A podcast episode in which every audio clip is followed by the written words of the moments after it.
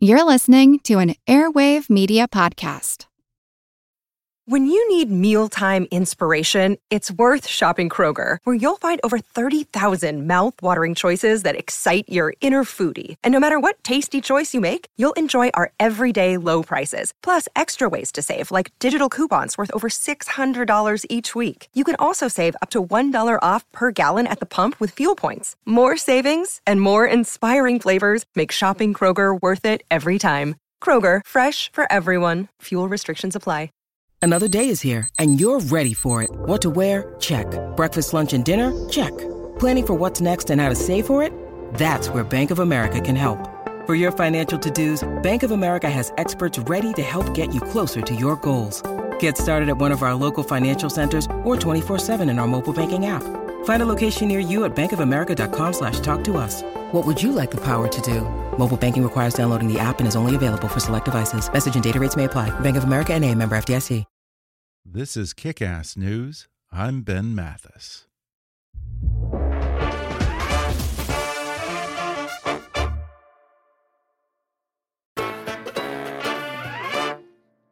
My guest today needs no introduction.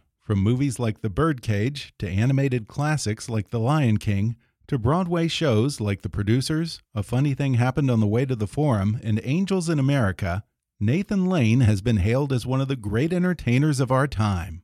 Now he stars as a cynical detective in 1930s Los Angeles in the television series Penny Dreadful City of Angels, which premieres on Showtime this Sunday at 10 p.m. Eastern. And today, I'm thrilled to finally welcome Nathan to the podcast.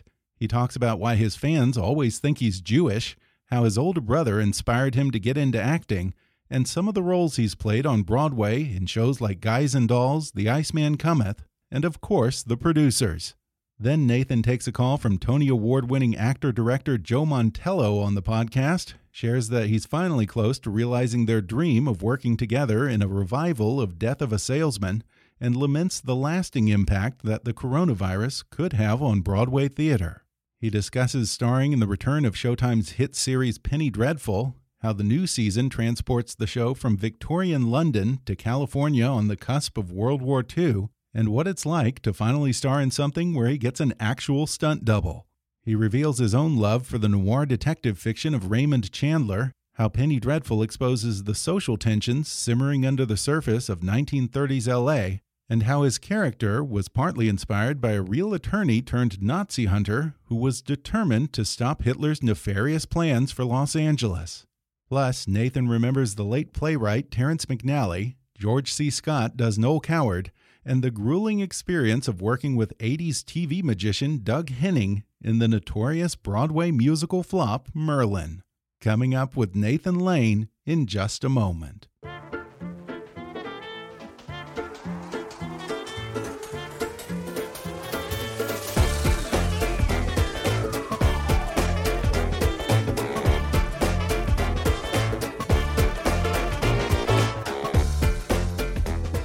Folks, you know Nathan Lane from his many starring roles in film and television, including American Crime Story, The People vs. O.J. Simpson, Ironweed, The Birdcage, Frankie and Johnny, Mouse Hunt, Jeffrey, Nicholas Nickleby, and The Lion King. All of that is to say nothing of an already legendary career on the Broadway stage, which has earned him six Tony nominations and three Tony wins for his performances in The Producers, Angels in America, and A Funny Thing Happened on the Way to the Forum. Indeed, in 2010, the New York Times described him as the greatest stage entertainer of the decade.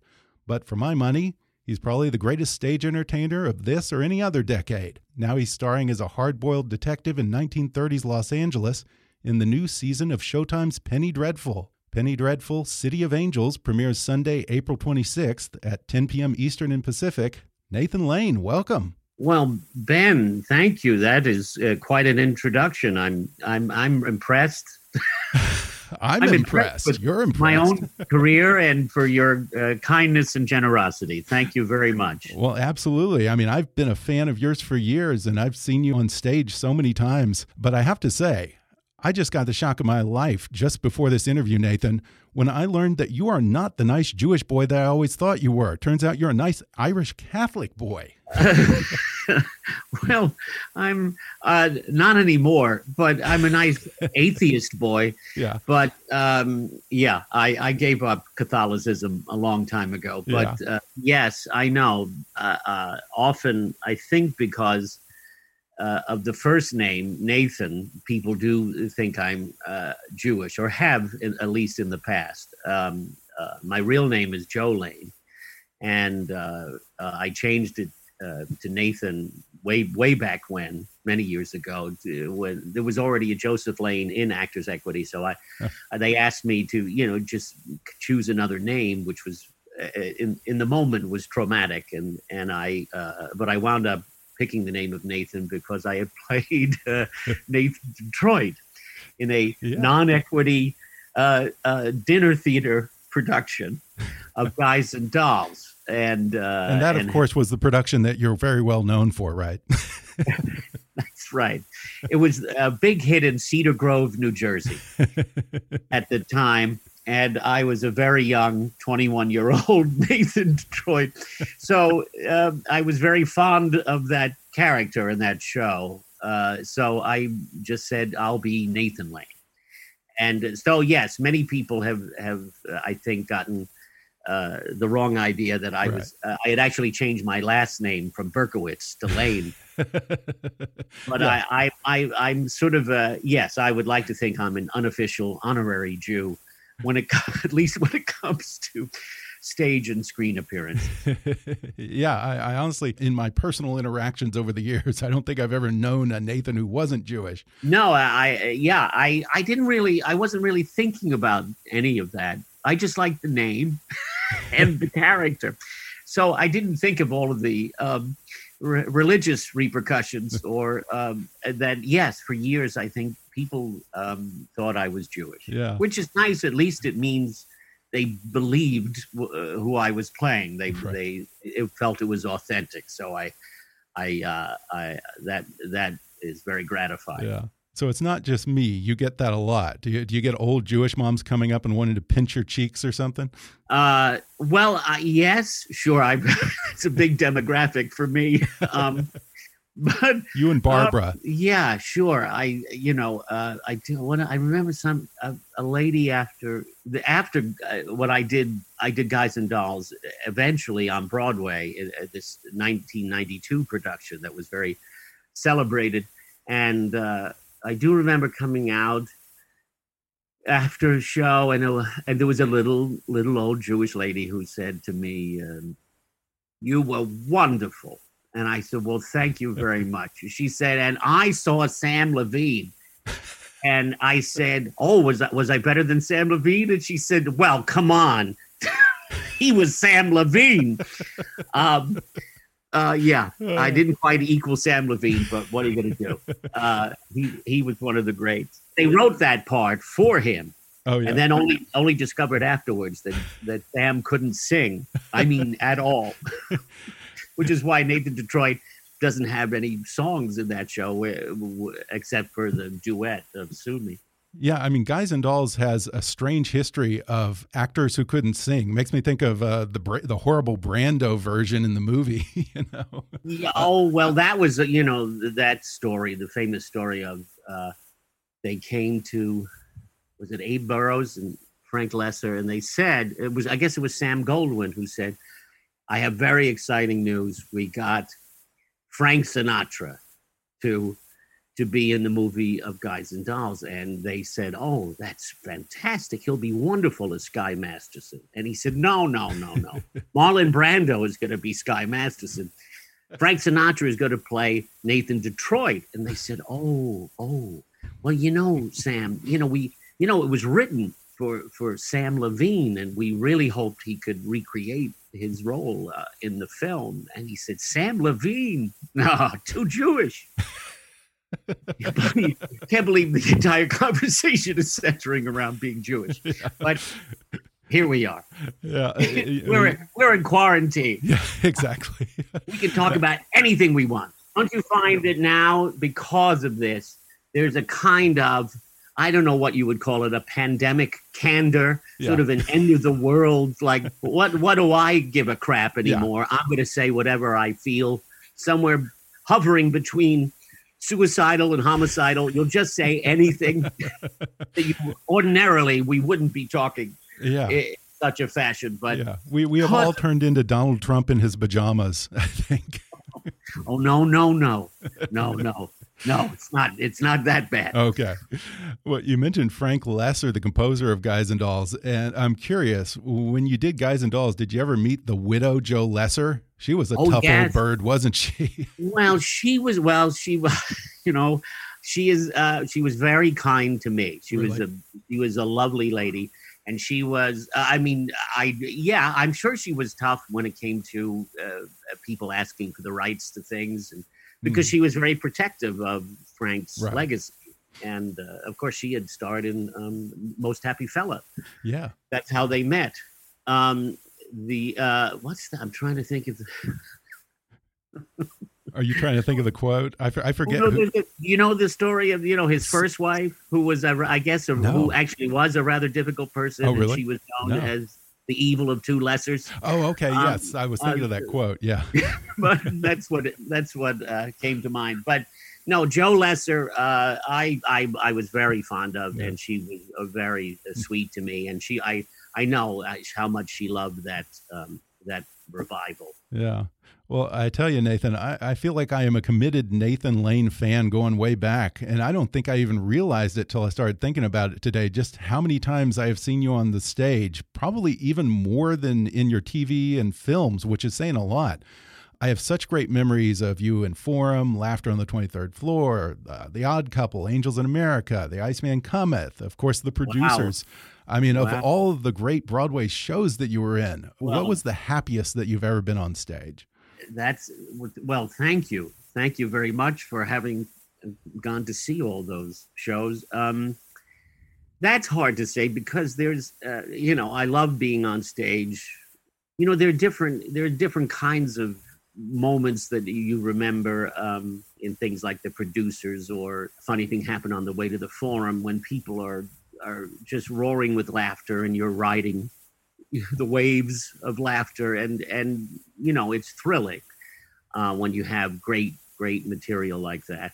And then you remember the you know the moments of silence in in certainly in the in the plays of uh, Terrence McNally or in in uh, Iceman Cometh where you can feel the audience so intently listening and feeling whatever is happening and there's a kind of silence that you can only hear in the theater and where you're all connected and it's you feel when you're really in it and those those times that don't it doesn't happen every night every night is not magical but there are those moments when it all comes together and and it's sort of the reason why you keep going back to the theater Mhm. to keep experiencing that and that and that connection with an audience you know why it's so difficult now with everything closed down and and you know the fear of uh, people gathering Yeah. again uh, is that's it's a it's a scary moment because we don't know what the ending of this Yeah. movie is.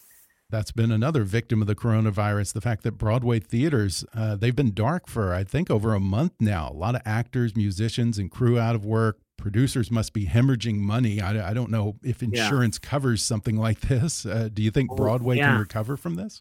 You know, nobody knows. That's that's what's so scary about all of this. We the unknown.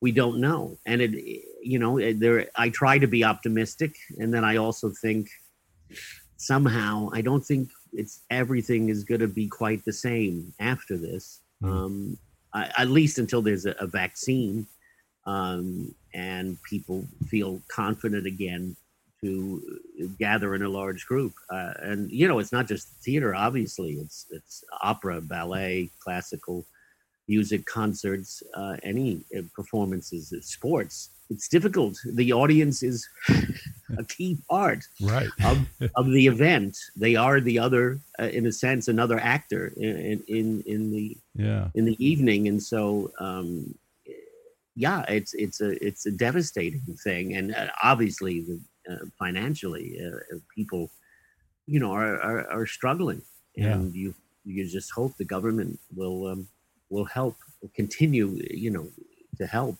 in these situations. You know, people in the arts are thought of last, and Right. and God knows, especially you these know, days.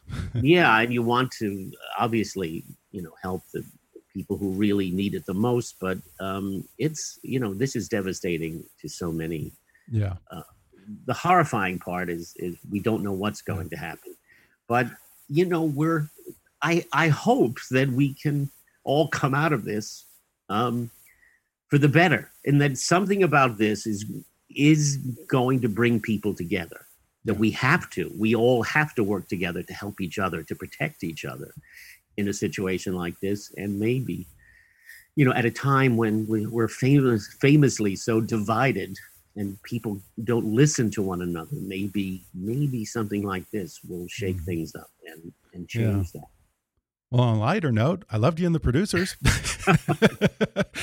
Oh, thanks.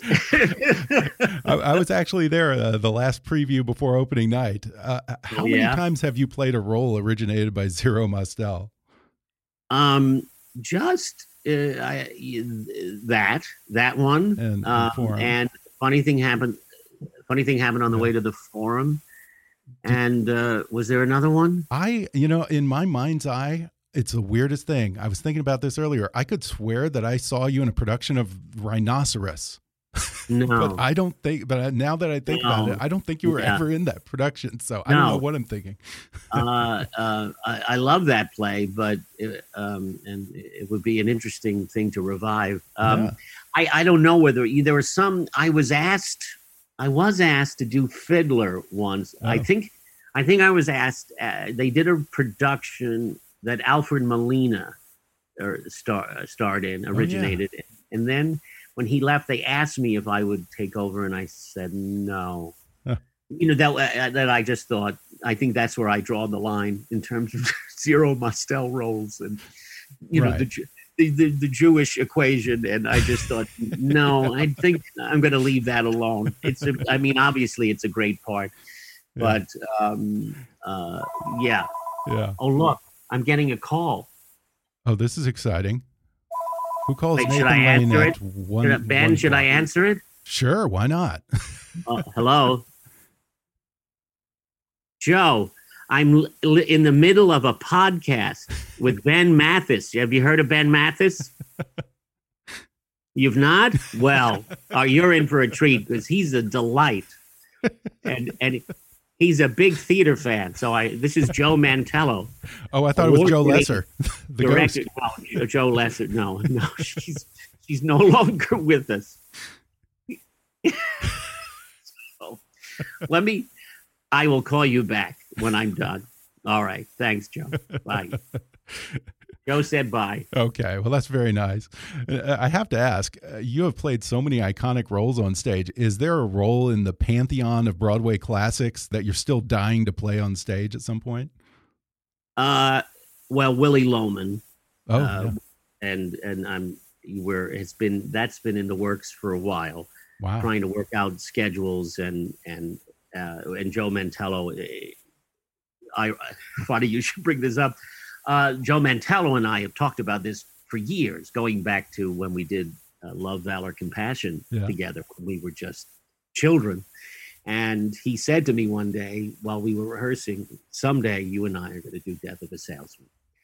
And now, uh, finally, uh, Scott Rudin, who's would be producing, is um, we've been. Uh, it's there have been many issues because of, of scheduling and and possible uh, writer strikes and actor strikes Yeah. and the uh, television uh, series schedules, and now, of course, because of this, everything is has changed and is up in the air. But um, Yeah, that would be great. I would love to see you in that.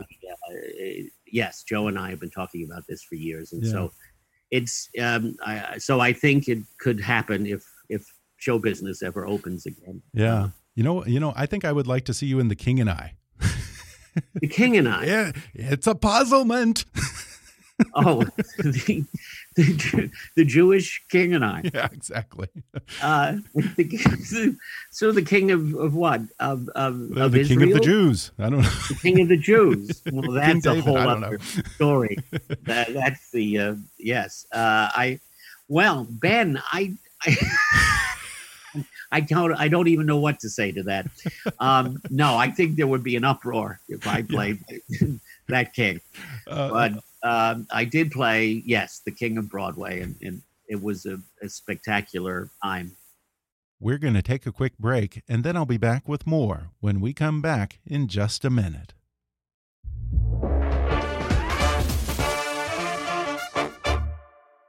This ad is a warning. Our democracy is under attack from the U.S. Supreme Court. In the middle of a deadly global pandemic, people across Wisconsin were planning on voting absentee to keep themselves and their families safe. But the night before the election, five Republican justices on the Supreme Court told thousands of people they would have to choose between risking their lives and forfeiting their right to vote. This Supreme Court favoring Republican interests over our democracy is nothing new. They gutted the Voting Rights Act. They invited billionaires and corporations to spend unlimited amounts trying to influence elections. They gave a green light to gerrymandering, voter ID laws, and voter roll purges. Now, a progressive movement is rising up to fight back because it's quite possible the Wisconsin case won't be the last 2020 showdown over voting rights to be settled in the courts. And we simply can't trust this court to put aside partisan views and protect people's right to vote. Our courts are becoming too political. It's time to say enough. Learn more about how you can join the fight by visiting demandjustice.org/kick. That's demandjustice.org/kick. How did you first get into the theater? From what I can recall, you didn't exactly come from a big theater family, did you? No, no one, no one in, in my life was involved in show business at all. Um, we uh, were from Jersey City. Um, I had two older brothers, Bob and Dan, and my oldest brother Dan is the one who really introduced me uh, to the theater. Um, he certainly he, he encouraged me to read a great deal, and then also uh, took me to the theater, took me to see plays in New York. Broadway and off Broadway. Um, he volunteered my services for a, a play that friends of his were doing in, in college uh, because they needed a, a child in one scene, and so he that that was my first time stepping onto a stage. Wa- Was in this college production of a play by Frank Gilroy called "Who'll Save the Plowboy." Not a great title. Yeah. This is the man who wrote the subject was roses, but he wrote this. There was a play he wrote called "Who'll Save the Plowboy," and I and I was. Uh, they needed a child in the somewhere in the second act, and, and that the first time I was brought on stage.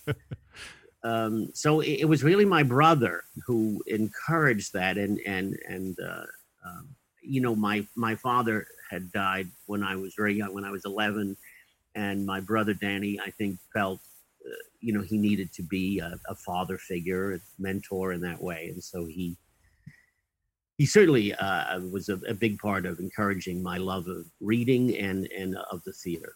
And what was your first big break? Was that Present Laughter or what? Well, on Broadway, Mhm. yes, that was that was my Broadway debut with uh, George, the great George C. Scott, Yeah. um, uh, in 1982, I believe, at Circle in the Square Theater. Yeah, I had done a television series uh, with Mickey Rooney and Dana Carvey called called One of the Boys. I had I had been in Los Angeles and and then I came back to New York to do the series and then um, I and I knew it was not going to last very long. And then uh, we did 13 episodes and finished. And then I, I auditioned for this revival of, of the Noel Coward play, Present Laughter. And that George C. Scott, surprisingly, was um, uh, not that he was, it wasn't surprising that he was directing it, but that he was starring in it as Yeah. well in the, in the Noel Coward role. So there was unusual casting. But he was a brilliant uh, comic actor as well as a dramatic actor, and um, it was a and it was a, a big sort of surprise hit for me. That was a huge a huge thing. Yeah, I'm trying to picture him in that role. That's interesting. Well, it was more in the, along the lines of uh, a John Barrymore than Right. Noel, a, no, a, a sort of aging Noel Coward matinee idol. It was more in the John Yeah. Barrymore family, but yeah. um, but he was wonderful in it. I mean, really Yeah. hilarious and and very touching too at times. Yeah, I'm trying to remember what the line was from that from that show. Uh, it's on. Uh, no prayer, no bribe, no threat, no power will induce me to go to Africa with Burl Willard, and no goddamn son of a bitch ever won a war by dying for his country. I immediately go into Patton anytime I try to picture George C. Scott in the role. well, he was the only person I know who could make the word "darling" sound like a command. the character had to say, "Darling," and you would you would sort of uh, jump to attention when Yeah. he said it. Darling. Now, Nathan, before we talk about Penny Dreadful, I have to bring up perhaps Yes, your we have to talk about Penny Dreadful. I have to bring up very important. Yes, yes. I, I have to bring up your role in one of the all time great Broadway shows. I would say it's right up there with Oklahoma, My Fair Lady, West Side Story, all the classics. You were in the legendary musical Merlin, starring, of all people, Doug Henning. Doug Henning. Remember Doug Henning? Yes, yes. Uh, well, you have a good memory. Um, uh, yes, he was a very popular uh, magician, or as he liked to be called, an illusionist. It's an illusion. Um, he was very popular, and um, in the seventies, and uh, previously had done a musical called The Magic Show, written by Stephen Schwartz, that was a big oh, hit. right. I forgot about that. So someone, in their infinite wisdom, decided he should um, uh, be in a real book musical where there was uh, he played a character, and in this case, uh, they he was playing young Merlin, and then it was written by uh, the gentleman who wrote like Columbo, uh, Levinson and Levinson, Richard Levinson and Bill Link Perfect. um, who were talented. Uh, they had done a lot of successful television, but yeah. Um, had, had never written the book to a musical before. And then it was and it was directed by a, a gentleman from the RSC, Frank Dunlop, a British director, uh, who eventually left. Everyone eventually left. um, and uh, um, yes, Merlin. Uh, it was billed as Merlin, the magical Yeah. musical for the entire family. and Chita Rivera, the great legendary Chita Rivera, played. Uh, she had no um, name. She was just called the Evil Queen. and I played her idiot son, Prince Fergus. and um, she wanted me to become King of England, and she was going to do anything to stop Merlin from helping Arthur, young Arthur, ascend the throne. I, I think that was vaguely the plot. Wow. Although, you know, Doug, who was a, yes, he was a very talented uh, magician, um, was not really an actor or- Right. or, a singer or a dancer. But here he was starring in the in middle of this big, very expensive, uh, especially for the time, Broadway musical. And um, he couldn't, for example, he couldn't do an English accent. So he was from Canada. So we they, they said, well, since Doug can't do an accent, you can, you shouldn't do an accent. So it seemed to be taking place somewhere outside of Ottawa, and uh, but we had all sorts of uh, there were animals and, and you know from his magic act they tried to build the show around all of these m- magic tricks, and Wow. and also tr- tried to create a real book musical Yeah. and um, and it didn't really work. Yeah. And I was sort of the comic relief, and and uh, but you know, my memory is just um, the joy of getting to work with uh, Chita Rivera. oh, yeah. Yeah. And I do remember Doug Henning. This was he told me a story once. He was a lovely man. And he said uh, he told me the story of opening night. Uh, he had an opening night in Vegas, and there were many, many stars there that night. And the, the the end of his act, the finish to his big act, he and his wife Debbie worked together, and he would turn his wife Debbie into a white Bengal tiger. That was the big finish. and so they were Debbie had disappeared, and there's a pedestal, and there's a white Bengal tiger sitting on it, and the audience is cheering, and he's taking a bow, and he looks over and he sees the chain that is usually attached to the pedestal is swinging back and forth underneath the tiger's mouth. And he l- looks at the tiger, and this all happened in a matter of seconds, like 30 seconds. And the tiger is looking at the audience, and uh, like a buffet and starts to walk off the pedestal and head towards the audience. Oh God! And, and the audience starts to panic and scream. And Doug, who weighed about 98 pounds soaking wet, ran and grabbed the, the, the chain and started to try to pull the tiger back. and the tiger uh, was surprised by this, turned and swatted him Oh, with his paw, and Doug fell back. And the next thing he knew, he said the tiger was on top of him and was licking his entire face up to his hairline. and he realized this isn't affection. He's cleaning his prey because he then took his entire, he had a little head. He took his entire head into his mouth and he said, I felt his teeth going into my neck. And he said, luckily, I passed out. and because I fainted, he said, my body went limp. The tiger opened his mouth to look what happened.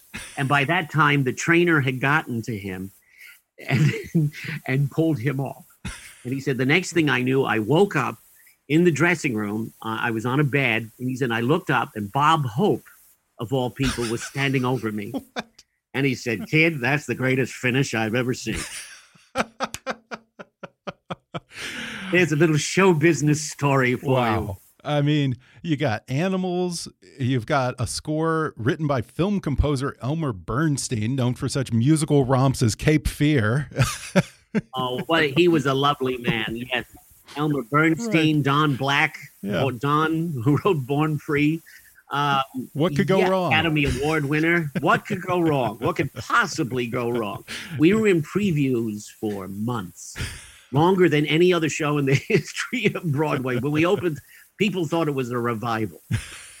yeah, I mean, it's pretty much the plot to the producers, I think. I wonder if there were some nefarious machinations in the background with the producers of the show. Yeah, that it was a, sub, a tax loss for someone. Exactly. Well, Yeah. let's talk about Penny Dreadful. Uh, this is an interesting role for you. You actually play an LAPD detective who- who is Jewish. and Jewish. Jewish. I'm Jewish. what can you tell us about him? Well, uh, you know, this came about because the brilliant uh, writer, John Logan, sent me an email and said, uh, I wrote this part for you and I hope you'll do it. He sent me the first episode. And um, I was just knocked out and, and thrilled and gratified um, that he would think of me for this because I thought not many people in Hollywood would uh, cast me in this particular role. But John, uh, who I know a bit from New York theater, had he said he had he had seen me in The Iceman Cometh and thought this is who I think should play this part. Um, so he's uh, Lewis Michener is a is yes uh, uh, is a grizzled old Jewish detective on the LAPD in 1938. He's seen it all. It's very it's very much your classic hard-boiled detective, but he's a complicated fella and um, he has partnered with this young uh, Mexican who is the, the first Mexican detective on the force. Uh, this character, Tiago Vega, played by a, a fantastic young actor named uh, Danny Zovatto. And uh, he has partnered with him really because no one else would would partner with him. And uh, I think he also understands what it is to be an outsider, being a Jew. And he's becomes his sort of father figure and mentor. He's you know he's estranged from his own children. His his wife has has died. So in, I think he hopes to get it right with this young man that it, it, he he he could hopefully be a better father to him than he was to his own children. And so it creates a real bond between them, especially as as the episodes go on and uh, it gets more and more complex but um, he's uh, it's a wonderful character. It's certainly the most uh, interesting and and and and um, emotionally complex character that I've ever played Oh, really? in film, yeah. in, in film or television. Yeah, because people know you from comedies a lot of times, but you know it, it must have been fun to play someone who, for once, isn't a laugh riot. I mean, he kind of has some gallows humor to him, but he he also sort of has a dark, cynical view. Oh yes, yeah, he has a kind of sardonic uh, Yeah. sense of humor. Um, yeah, he's one of the few. it's a serious show. He's one of the few people who does sort of have a very dark sense of humor. Um, but that's sort of in the Raymond Chandler uh, tradition. Um, yeah, and look, yes, for people who, if you only know me from something like Modern Family, mm-hmm. yes, this this will be a revelation. if you if you if like you you and you very kindly have followed a lot of my work in the theater, then it will it won't be as, uh, as quite a, a, revelation, but it's it's uh it certainly is uh, it's very exciting for me. Yeah. Um, look, I have a I had a stunt double it was so exciting. was that a first I, for you? Oh, no, absolutely. And you know, I pistol whipping kids, dragging them to a, the edge of a cliff, and then stepping on their faces. It's it was um, I I had the time of my life. Yeah, uh, yeah. It was. It's great fun, and it's really terrific and challenging material. Yeah, it's an interesting through line from this new season to the original seasons because Penny Dreadful City of Angels has this heavy influence from pulp crime and detective novels of the 30s and 40s, which are in a way the natural successor of the old Victorian era Penny Dreadfuls.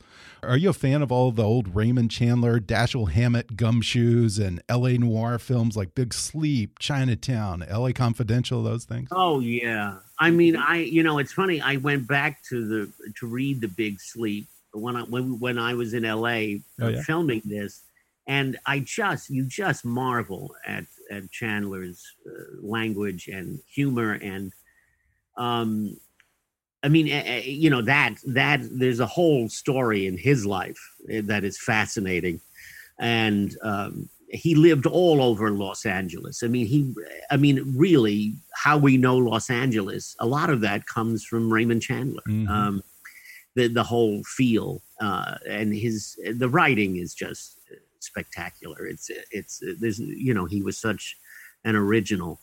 So um, let's just say this Penny Dreadful has nothing to do with the old Penny Dreadful. yeah. We have we have a great deal of respect for the old Penny Dreadful, and and it had it had a very voracious fan base that loved it and loved Eva Green.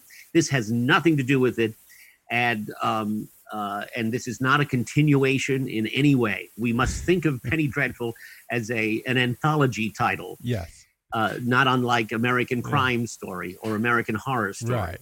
This is this is um, Raymond Chandler meets Rod Serling. So there there are there are uh, there is a supernatural element to it that is tied into Mexican folklore, right. but it is it is not. Um, uh, um, it does has nothing to do with taking characters from Gothic literature and mixing them all together. Right. For for what yeah. it's worth, Nathan, I was a fan of the original show, yeah. and I really like where you guys are going with this new version, this new anthology series that you've created here. So, well, yeah, I mean, it's John. You know, this is all John Logan, he, uh, and he's. It's more of this is kind of you know I don't I I hate to turn it into something political, but it is a he, he did write it in a in response, and he's talked about this. Um, publicly at the uh, TCA press day, and he said, uh, "You know, this was a reaction to what was going on right now in the country." Hmm. Um, so uh, it, there are those socio-political elements to it, and yet it is a, it is a thrilling yarn he has created. And in this case, the monsters that you that people might remember fondly from the original, it's about the monsters inside all of us and and how um, uh, how easy it is for people to get in touch with the yeah. dark side. And uh, it's so it's really more about the human story i think than than that the kind of thing that happened the first time around. And uh, I, it's a really look i think it's a it's a really great and compelling story and and and it's an enormous tapestry. Uh, there are so many different worlds uh, it takes you know and it takes a, a, few episodes for you to start to see how all of that inter, inter, intertwines and i think people will uh, find it very yeah. intriguing and elements of the show are inspired by real events in LA during that time. As a New Yorker, yes. did you know much about the dark history of LA in that era? I did not. I uh, I was sort of aware of, of the the Nazi infiltration of L.A., Yeah. but not to the degree that uh, I, I realized when uh, I started doing research and reading all these books about what was happening at the time, because my character Lewis Michener uh, is aside from the the central murder mystery that he and, and his partner are trying to solve, there is uh, he is working on um, uh, this this the fact that there's all, all of these Nazi groups in LA and um, investigating them and one particular guy um, who is played by a wonderful the wonderful German actor Thomas Kretschmann. Um, so the, all of that is you, you just can't believe what was going on and how how prevalent it was Mhm. And uh, w- there were just you know this huge place called the Deutsche House where there were there were meetings and rallies and and there was a, a camp in Topanga where they were Right. starting starting a militia group. There was the the, the Silver Shirts who who were an offshoot of the Brown Shirts. There was you know obviously there was the Ku, Ku Klux Klan, uh, but um, uh, you know this was part of the storyline was inspired by this brilliant Jewish lawyer, uh, Leon Lewis, who formed a, a, spy ring Huh. to investigate these organizations Really? and foiled countless assassinations and and and killings and and bombings and eh, w- he was a true American hero and without him I I, I you know we, we could easily all be speaking German Yeah. it's, it, it is Wow. uh, unbelievable what he was able to put an end to.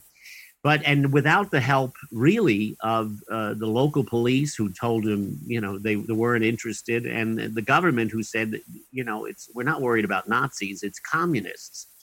And so eventually, he went to all of the studio heads who were Jewish, and and gathered them at uh, the Hillcrest Country Club and said, uh, "Listen, um, uh, my law firm is, is is failing because I'm spending all this time running this spy network, and here is all this information, and I need some financial assistance to keep this going because."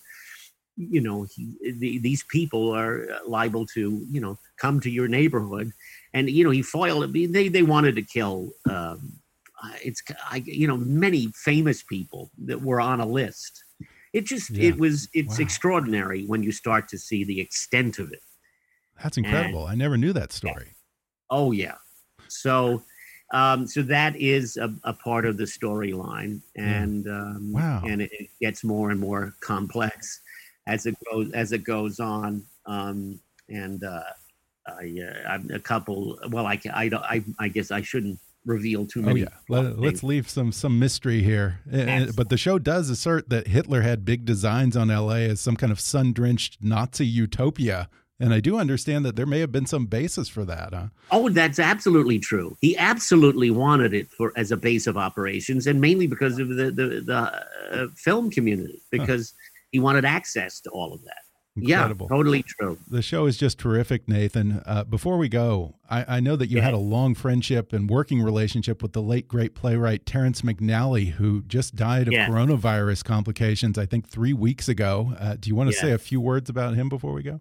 Look, he was uh, the theater world, uh, and the world in general, lost a you know a giant, a major playwright, and and a groundbreaker in Terrence, and and for myself personally, I lost one of my closest and dearest friends, and someone who certainly championed me very early in my career, and uh, uh, who really gave me some of the best and most important roles in the theater, and and uh, and I uh, certainly I I would not have had a career without him and giving me those opportunities and wanting to collaborate that way. And and uh, I've been in New York for 11 years at that point but it was really when I did um, uh, the first play I did of his called the Lisbon Traviata was the thing that really kind of put me on the map and changed everything um, so it was a collaboration of really close to of over 30 years. But the, the last thing we did was a, this revival of a play of his called "It's Only a Play" on Broadway,